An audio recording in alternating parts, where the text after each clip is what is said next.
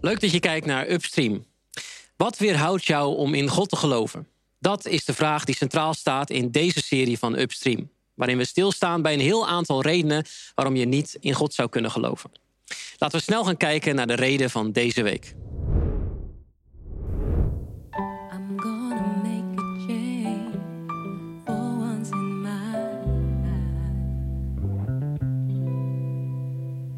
Gonna make a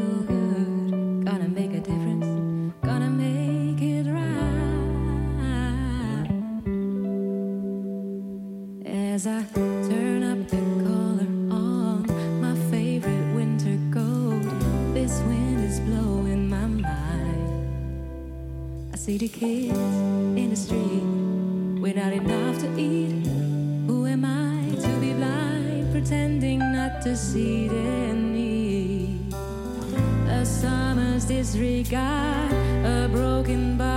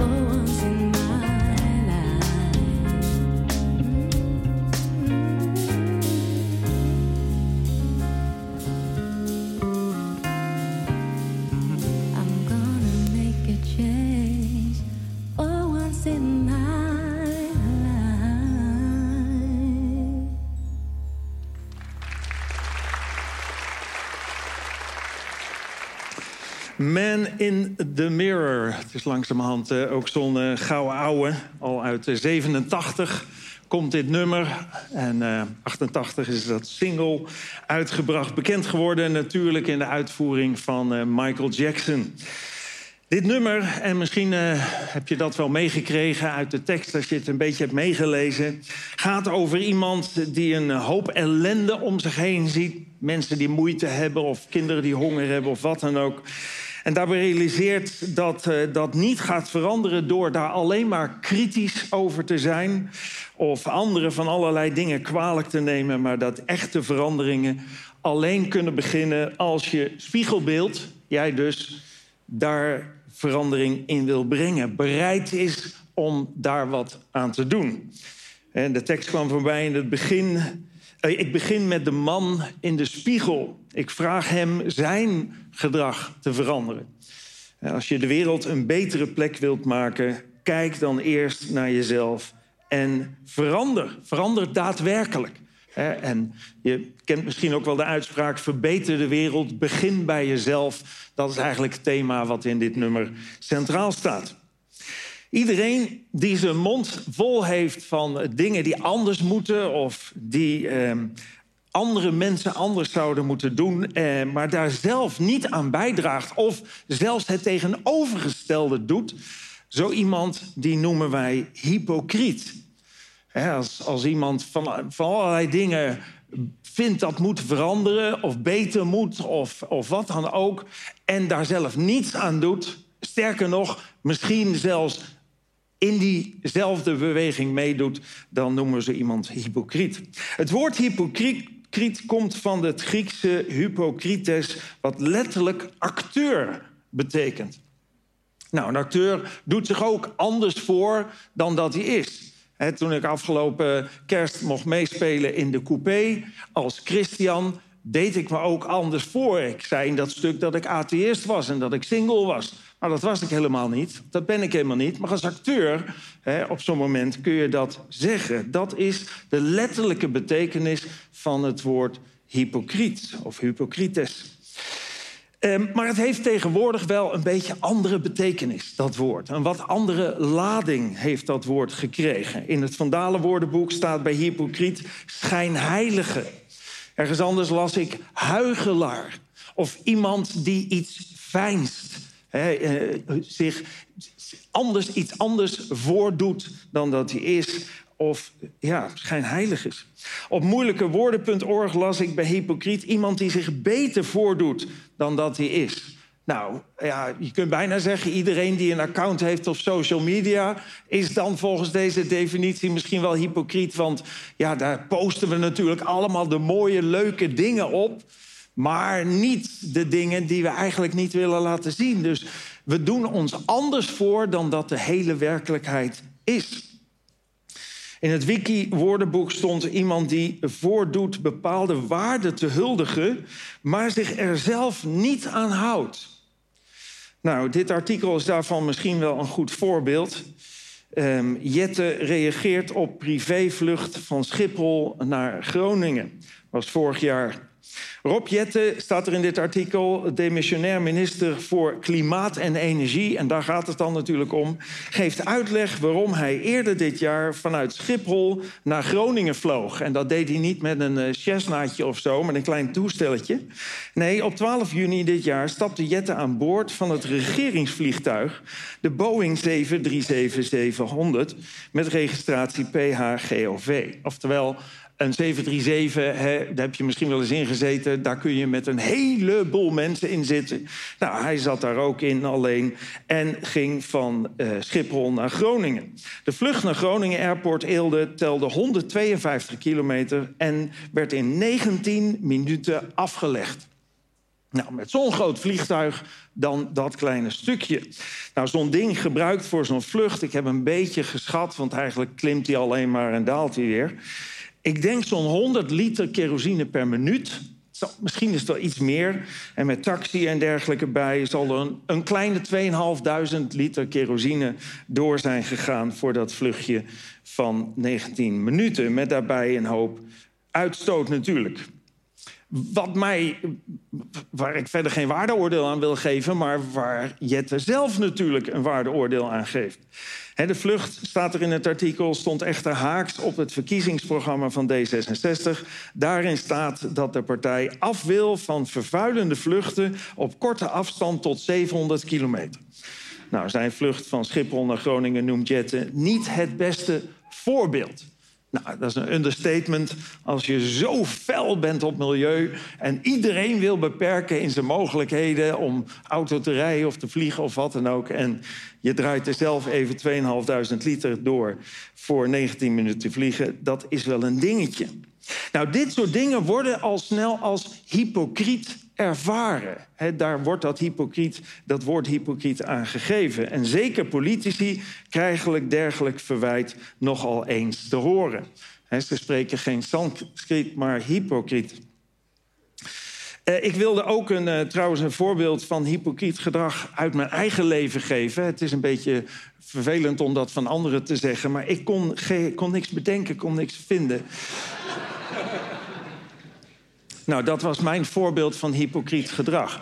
He, want natuurlijk is dat er wel, maar als je net doet alsof dat er niet is, dan ben je ook hypocriet. Nou, waarom het nummer Man in the Mirror en waarom dit voorbeeld? Nou, dat heeft alles te maken met de thema. Uh, serie waar we, het thema waar we vandaag mee bezig zijn en de serie waar we mee bezig zijn. We zijn bezig met de serie Reden genoeg om niet in God te geloven. En we hebben met het team waarmee we deze series maken... over een heel aantal verschillende dingen nagedacht. Misschien is er nog wel meer te bedenken... maar deze zeven thema's uh, die op de uitnodiging ook op de flyer hebt gezien... die uh, konden we daarbij bedenken. Vandaag uh, gaan we een nieuw thema aansnijden. Nou, misschien zit je hier in de zaal tijdens de opname... of zie je dit later op tv, Family 7... of in een Upstream café, of op onze website... of luister je terug via de, webs, via de podcast... en denk je, nou, ik heb ook meer dan voldoende reden... om niet in God te geloven. Nou, op de flyer van deze serie staat onder andere... in deze serie dagen we je uit om alle redenen om niet in God te geloven te overdenken, hè, bij stil te staan. Welke redenen staan er na deze serie voor jou nog overeind? En we hopen natuurlijk geen één.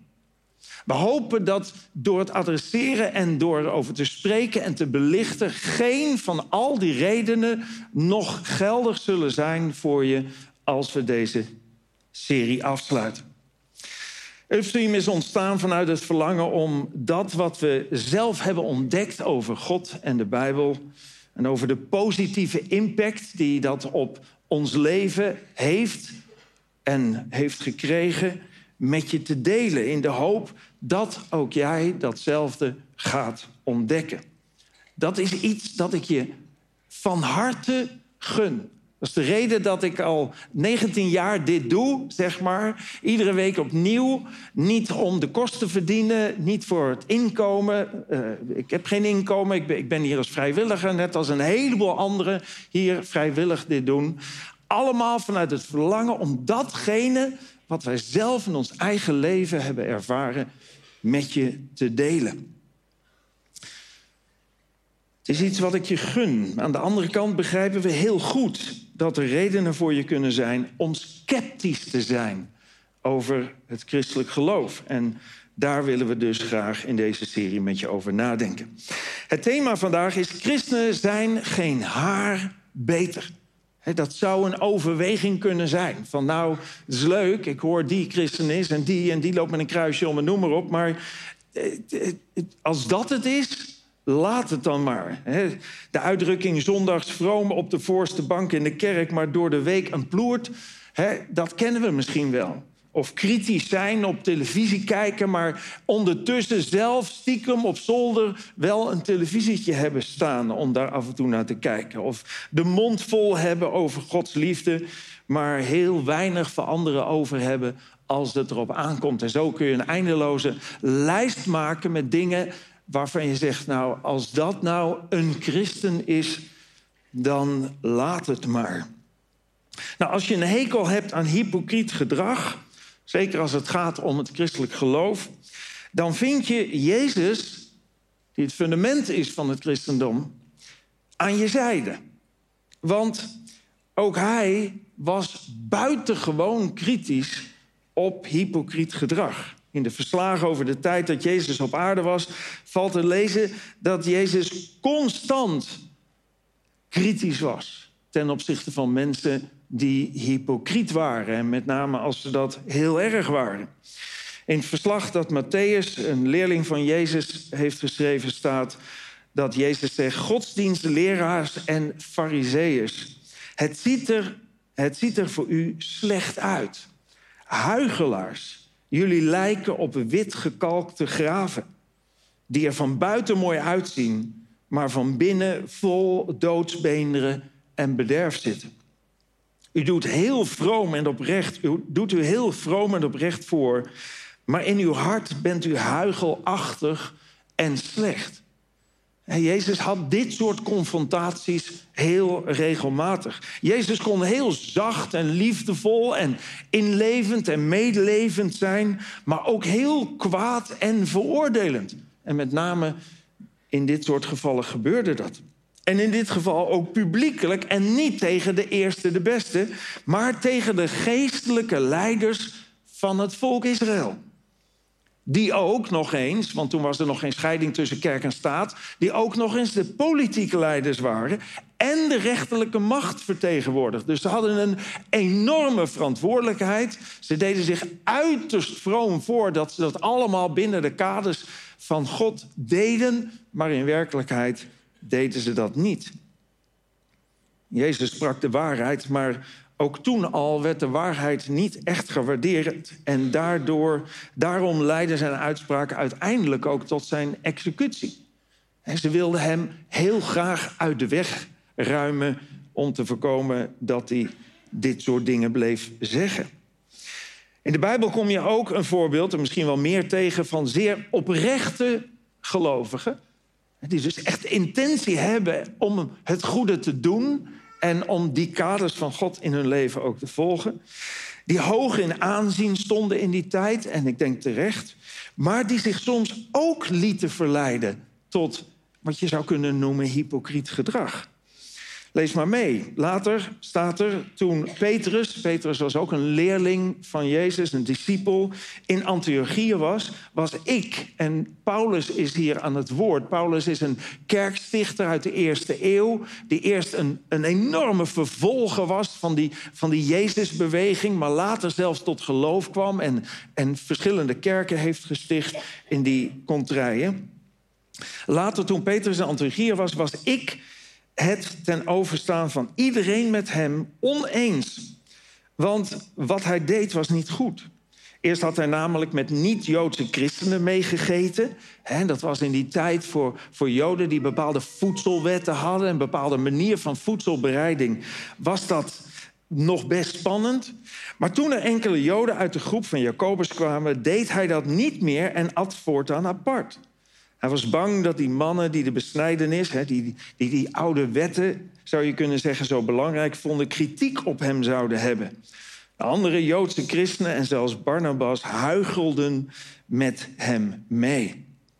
dus ook hier echt oprechte mensen, niet die er een potje van maakten, maar toch die ja, ook hypocriet gedrag vertoonden, omdat ze bang waren voor kritiek. Nou, als je daar van een afstandje naar zou kijken in die tijd als niet-gelovige, zou je kunnen zeggen: Nou, dit gedrag is dus voor mij reden genoeg om niet in God te geloven. Christenen zijn geen haar beter. Maar de vraag is of je dan niet het kind met het badwater weggooit. Vanuit een verkeerd beeld misschien wel van wat christen zijn inhoudt, wat dat betekent. Iemand die tot geloof komt, christen wordt, verandert namelijk niet ineens in een soort heilige. Je krijgt niet in één keer zo'n cirkeltje boven je hoofd en, en, en, en alles doe je goed. In één keer ben je de meest liefdevolle persoon op aarde geworden.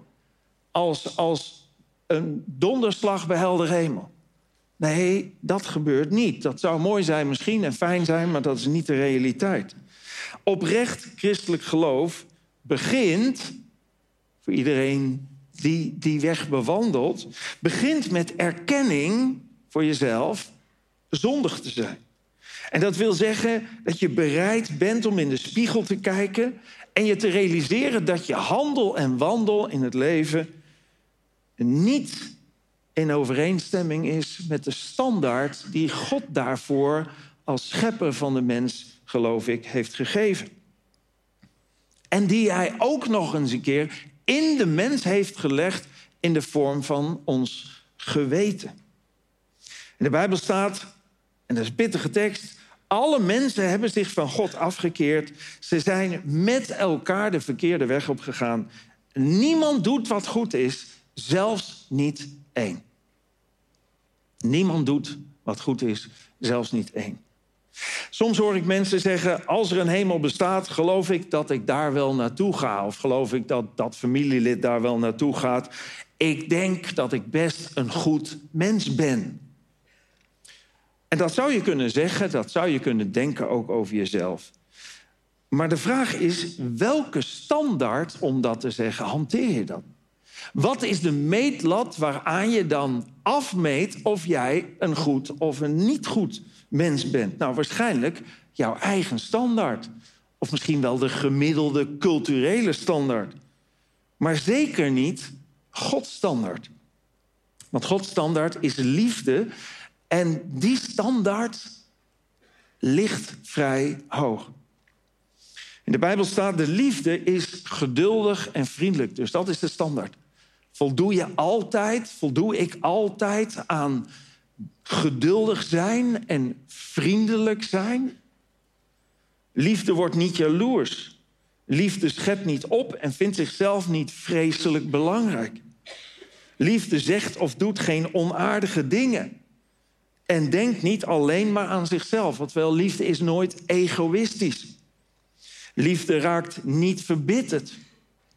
Liefde vergeeft als een ander iets verkeerd heeft gedaan. Liefde is niet blij met oneerlijke dingen, maar met de waarheid. Liefde vertelt fouten van andere mensen niet door. Denkt altijd het beste van een ander en blijft altijd geduldig.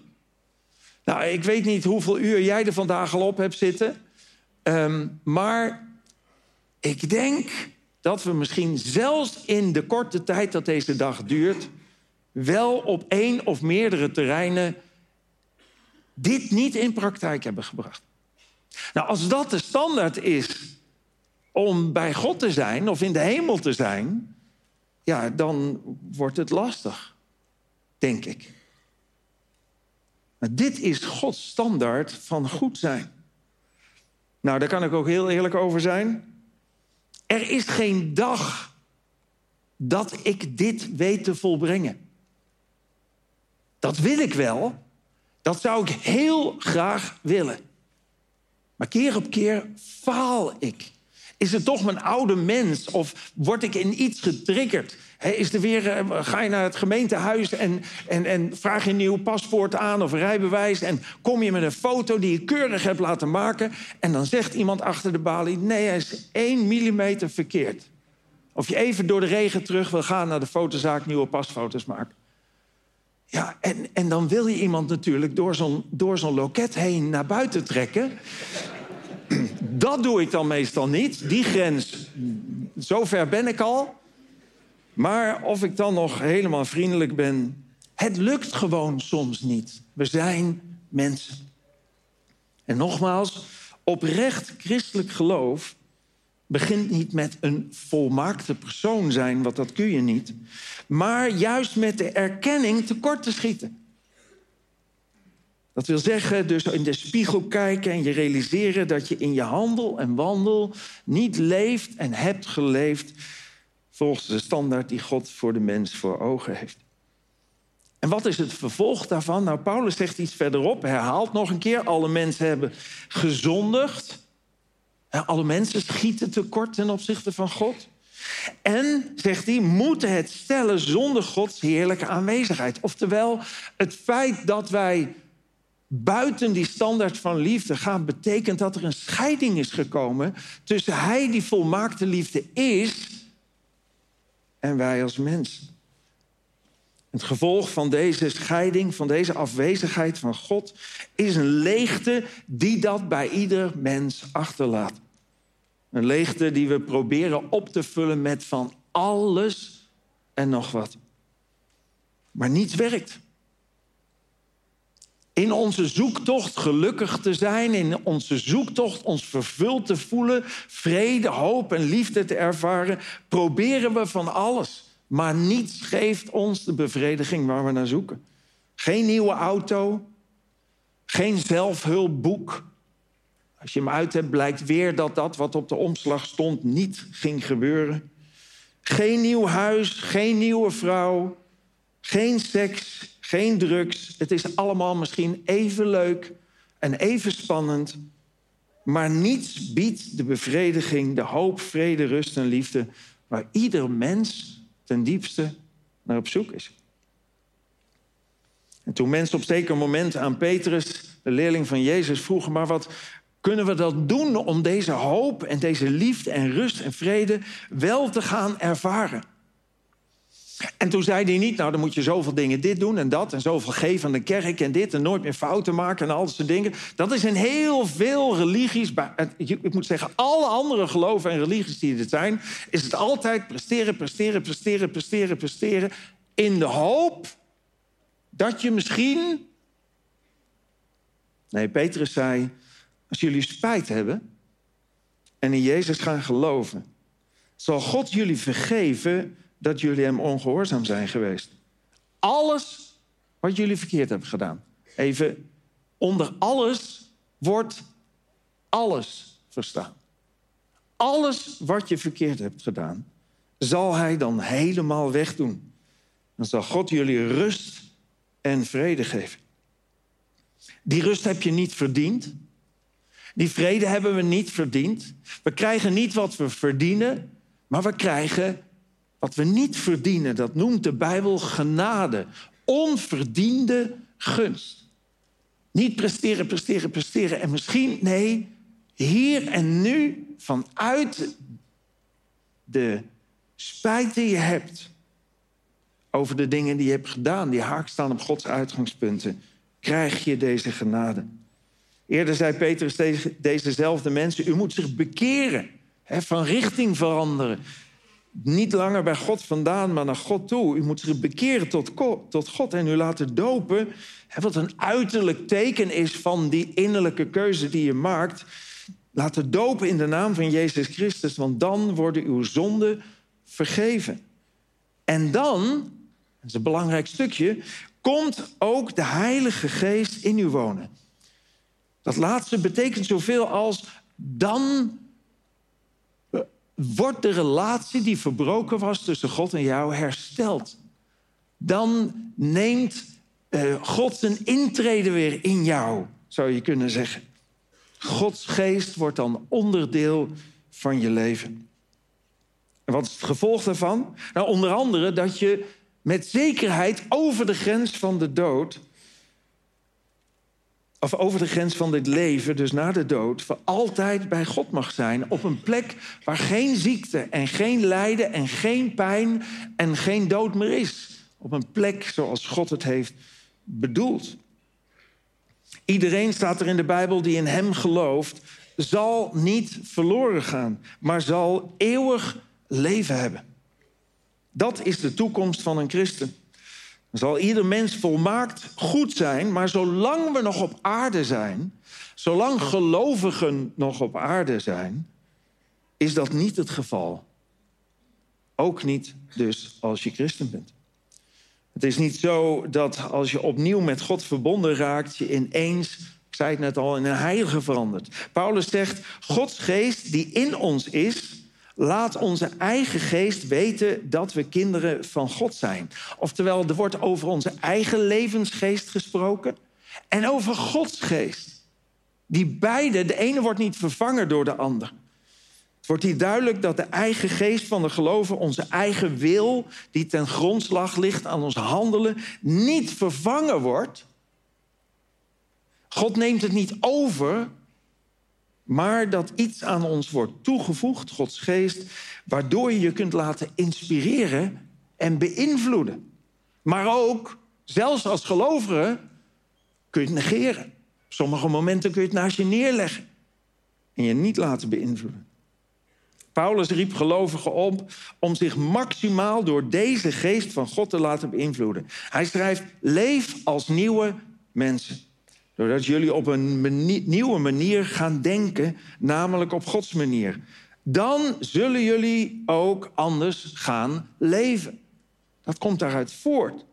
Dan zullen jullie weten wat de, Gods wil is. En alles wat Hij wil is goed, mooi en volmaakt. Het dan zullen jullie, staat er, ook anders gaan leven. Dus mensen, als je die keuze maakt, gaat er wel iets veranderen. Maar dat is een proces. Dat anders gaan leven is een proces. Waarbij de ene van veel verder moet komen om tot een stuk groei en in praktijk brengen van liefde ehm, zal komen dan de ander. De ene die misschien al best heel erg binnen bepaalde waarden en normen leefde, die dicht liggen bij de Bijbel, ook al kunnen we het nooit volmaakt doen, zal minder inspanning nodig hebben om een stukje verder te groeien dan iemand die van heel ver moet komen in dat proces naar levensheiliging, zoals de Bijbel dat noemt. Dus mensen die oprecht tot geloof zijn gekomen, zijn als het goed is, met vallen en opstaan onderweg naar het afbreken van karaktereigenschappen die niet tot Gods liefde behoren en opbouwen van datgene wat er wel mee in lijn ligt. Maar nogmaals, het is een proces. En jij kunt maar zo iemand in dat proces tegenkomen die zegt: Ik ben christen, en waarvan jij zegt: Nou, als dat een christen is, ja, dat klopt. Dat is een christen onderweg. Dat is een christen in proces. En dat is een christen, hoop ik, die nadrukkelijk wel het goede wil doen. Er zijn ook mensen die zich christen noemen, maar het helemaal niet zijn. Ook helemaal niets in hun leven doen wat leidt tot die verandering. Het is een soort namaak, een soort surrogaat christen of religieus. Of... En die veroorzaken veel schade, omdat juist die mensen worden gezien misschien als gelovigen en je daarop af zou kunnen knappen. Als ik voor mezelf spreek, ik heb het al eerder gezegd, ben ik er nog lang niet. Maar ik ben niet meer waar ik was. Maar nog steeds zou je op sommige momenten kunnen zeggen: je bent geen haar beter dan iemand die niet gelovig is. Maar als dat jouw reden is om niet te geloven, om God buiten de deur te houden, om, om niet eens te overwegen en te onderzoeken of de Bijbel de waarheid is. Als dit je reden is om niet te geloven, doe je jezelf heel erg tekort. Sterker nog, de tegenstander van God wil heel graag dat jij je zo ergert aan onvolmaakte gelovigen, of aan mensen die zich als christen voordoen, dat je dat doet besluiten om de optie ook helemaal buiten te sluiten. En de tegenstander van God heeft nog meer ijzers in het vuur als het daarom gaat. Want buiten dat je je misschien stoort aan hypocriete christenen of mensen die zeggen te geloven, stoor je misschien ook of nog wel meer aan moraliserende christenen. Christenen met het vingertje. Wat jij allemaal niet mag doen en wat je allemaal wel moet doen. Christenen die hun waarden en normen aan jou willen opleggen. Terwijl ik geloof dat God ieder mens een vrije wil heeft gegeven. Dus wie is een gelovige? Wat, wat ben je als gelovige om iemand die misschien zoekend is of niet gelovig is, jou of Gods waarden en normen op te leggen? Ik noem deze groep ook maar meteen even, want die mensen zijn even ergelijk als je je daaraan stoort. Um, dan, uh, dan de hypocriete christenen. En ook hier heb je de Bijbel aan je zijde. In de Bijbel staat wie een spotter, en daar wordt mee bedoeld iemand die daadwerkelijk spot of vloekt of dergelijke, maar ook een niet-gelovige in het algemeen. Wie een spotter terechtwijst, haalt zich alleen maar spot op de hals. Wie iemand zonder God of gebod berispt, corrigeert, wordt alleen maar uitgelachen. Wijs een spotter niet terecht, want hij gaat je haten. Oftewel, vanuit de Bijbel wordt tegen iedere gelovige gezegd: leg de moraal die jij vanuit de Bijbel probeert handen en voeten te geven, niet op aan mensen die er niet voor kiezen hetzelfde te doen. Dus laat iets van de liefde zien van God. Steek heel veel energie in zelf het goede doen, maar bemoei je niet met anderen. Dat moraliserende vingertje waar je misschien zo'n hekel aan hebt, is niet omdat de Bijbel gelovigen oproept om dat soort dingen te doen, maar alleen maar ingezet wordt door de tegenstander van God om jou af te laten knappen op alles wat met geloof in God te maken heeft. Nou, voordat ik daar tot slot nog een, enkel ding over wil zeggen, luisteren we eerst naar een nummer. En die heeft de titel Klaar met geloven. En wat ook zou je kunnen zeggen, hè, dit gaat over iemand die misschien in een christelijk gezin is opgegroeid en dat achter zich heeft gelaten. Maar het kan net zo goed gelden, zelfde redenen, voor als je er helemaal nooit mee groot geworden bent en er ook om verschillende redenen niet aan wilt beginnen. Laten we daar eerst naar luisteren.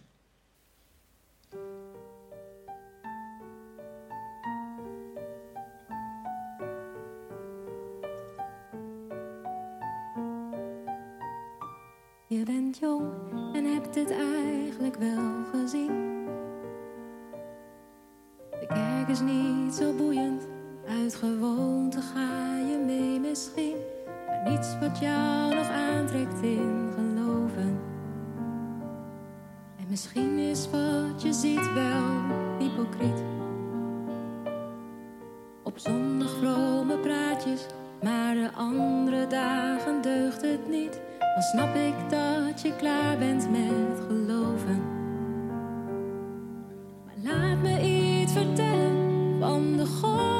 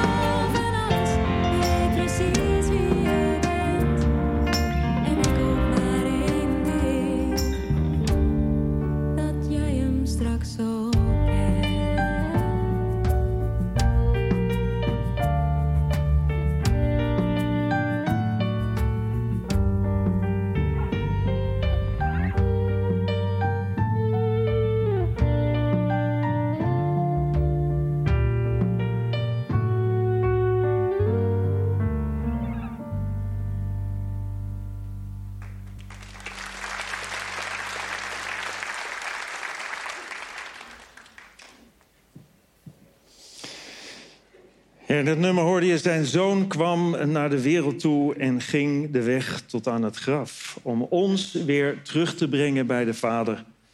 Geef jezelf aan Jezus, dan zul jij het leven binnengaan. Paulus schrijft, toen de tijd aanbrak dat God ons door de komst van zijn zoon zijn liefde en vriendelijkheid zou tonen, heeft hij ons gered. Paulus spreekt hier tot gelovigen die die keuze hebben gemaakt om hem te volgen. Niet omdat wij het hadden verdiend, maar omdat hij met ontferming over ons bewogen was en medelijden met ons had. Hij heeft onze zonde afgewassen, ons nieuw leven gegeven en ons vernieuwd door de Heilige Geest, die hij rijkelijk over ons heeft uitgegoten. En dat allemaal om wat Jezus Christus, onze redder, heeft gedaan. Dankzij zijn genade heeft hij ons voor God rechtvaardig verklaard. En nu mogen wij vol verwachting uitkijken naar het eeuwige leven dat hij ons geeft. Jezus heeft onze zonde gedragen, lijfelijk, op het kruishout. Hij is gestorven als plaatsvervangend offer voor onze fouten en tekortkomingen. Daardoor zijn wij bevrijd van de zonde en mogen we leven in een goede verstandhouding met God. Door zijn wonden bent u genezen. Dat gaat niet over lichamelijke genezen. Dat gaat over het herstellen van de relatie met God. Ik ben dankbaar dat ik op mijn 29ste mocht ontdekken dat Jezus ook voor mijn fouten en tekortkomingen is gestorven. Wat een enorme vreugde heeft me dat al gebracht in mijn leven tot aan de dag van vandaag. Voor geen goud van de wereld zal ik dat willen inruilen. En dat is ook voor jou beschikbaar. Gratis. Om niet. Ook jij kunt vandaag ervoor kiezen om Jezus te gaan volgen. Omdat ook jij je realiseert dat je schuldig staat ten opzichte van God in het kader van liefde wat Hij heeft gegeven. Omdat ook jij verlangt naar die onvoorwaardelijke liefde, naar hoop, rust en vrede die alleen God je kan geven. Dat ook jij niet langer als slaaf van de zonde door het leven wilt gaan. Die keuze kun jij ook vandaag maken. We gaan zo bidden. En tijdens het gebed wil ik je uitnodigen als dit je geraakt heeft. Als jij je realiseert, dit is ook wat ik wil. Ik wil Jezus volgen. Dan kun je vandaag je eerste stap daarin zetten. En de belangrijkste en eerste stap is de keuze maken om dat te doen. En dat kun je kenbaar maken tijdens het gebed. Ik geef straks een moment daar gelegenheid voor. Terwijl iedereen zijn ogen gesloten houdt. Wil ik je dan uitnodigen om dat kenbaar te maken door duidelijk je hand op te steken. En ik zal dat beantwoorden met dat ik je hand heb gezien. En het gaat niet om mij, het gaat niet om die hand specifiek. Het gaat erom dat jij fysiek een keuze maakt. En of je nou hier zit in de zaal of je bent dit elders aan het kijken, je kunt hetzelfde doen.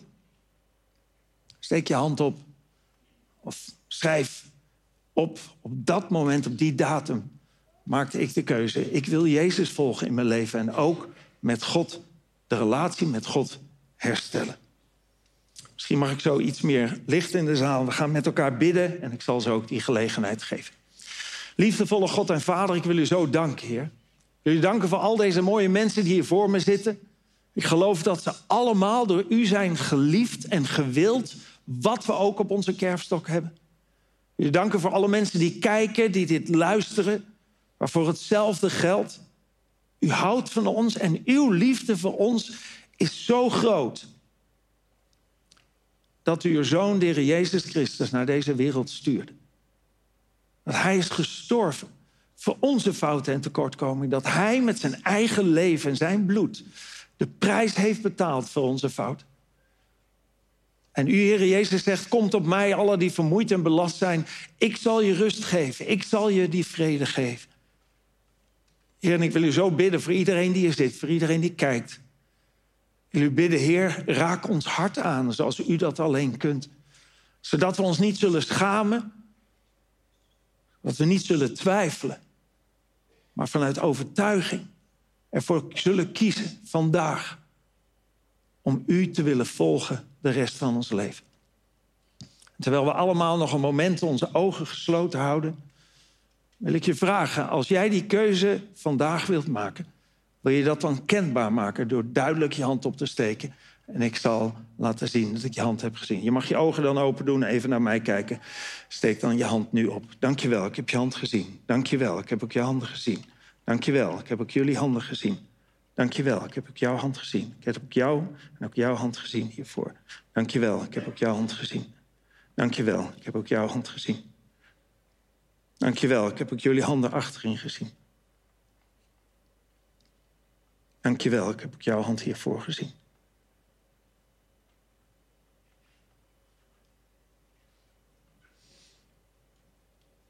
En God, ik wil u zo danken.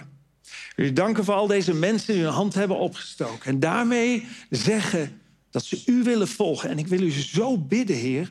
Wilt u in hun leven uitwerken wat u belooft? Het is een proces. Het is geen gebeurtenis die ineens plaatsvindt, maar het is een verandering die we gaan ervaren, die we gaan merken wanneer we de, u daadwerkelijk volgen. Uw woord gaan lezen. Heer, wilt u in ons leven dat uitwerken? Ik wil u bidden voor alle mensen die hier zitten, die kijken, die dit horen... en die misschien nog niet op de punt zijn. U zegt, wie mij zoekt, zal mij vinden. Ik wil u bidden, Heer, dat vele, vele zullen ontdekken dat u liefde bent. Dat u van ons houdt, dat u het goede met ons voor heeft. En dat al die dingen die ons afhouden, al die redenen om niet in God te geloven, in u te geloven, Heer, alleen maar redenen zijn die opgeworpen worden door de tegenstander, die ons wil vasthouden in de duisternis. Heer, geef die vrijheid. Maak ons vrij en leid ons, Heer, naar het licht en naar het eeuwig leven. Dat bid ik u zo in Jezus' naam. Amen. Voor iedereen die zijn hand heeft opgestoken, ten eerste, ja, dat is de beste keuze die je in je leven kunt maken. Zo ervaar ik het nog steeds, al is het heel lang geleden. Uh, ik wil je uitnodigen om straks, misschien, hoeft niet, niet verplicht, maar voel je vrij om straks even naar de boekenhoek te lopen. Daar hebben we een gouden envelop met een boekje daarin. We willen je heel graag ook iets verder op weg helpen en dat kun je daarin aantreffen. En verder ben je natuurlijk en blijf je uitgenodigd om te blijven komen. Misschien wel de opzoek naar God cursus te doen. Voel je vrij, maar dat geldt voor iedereen.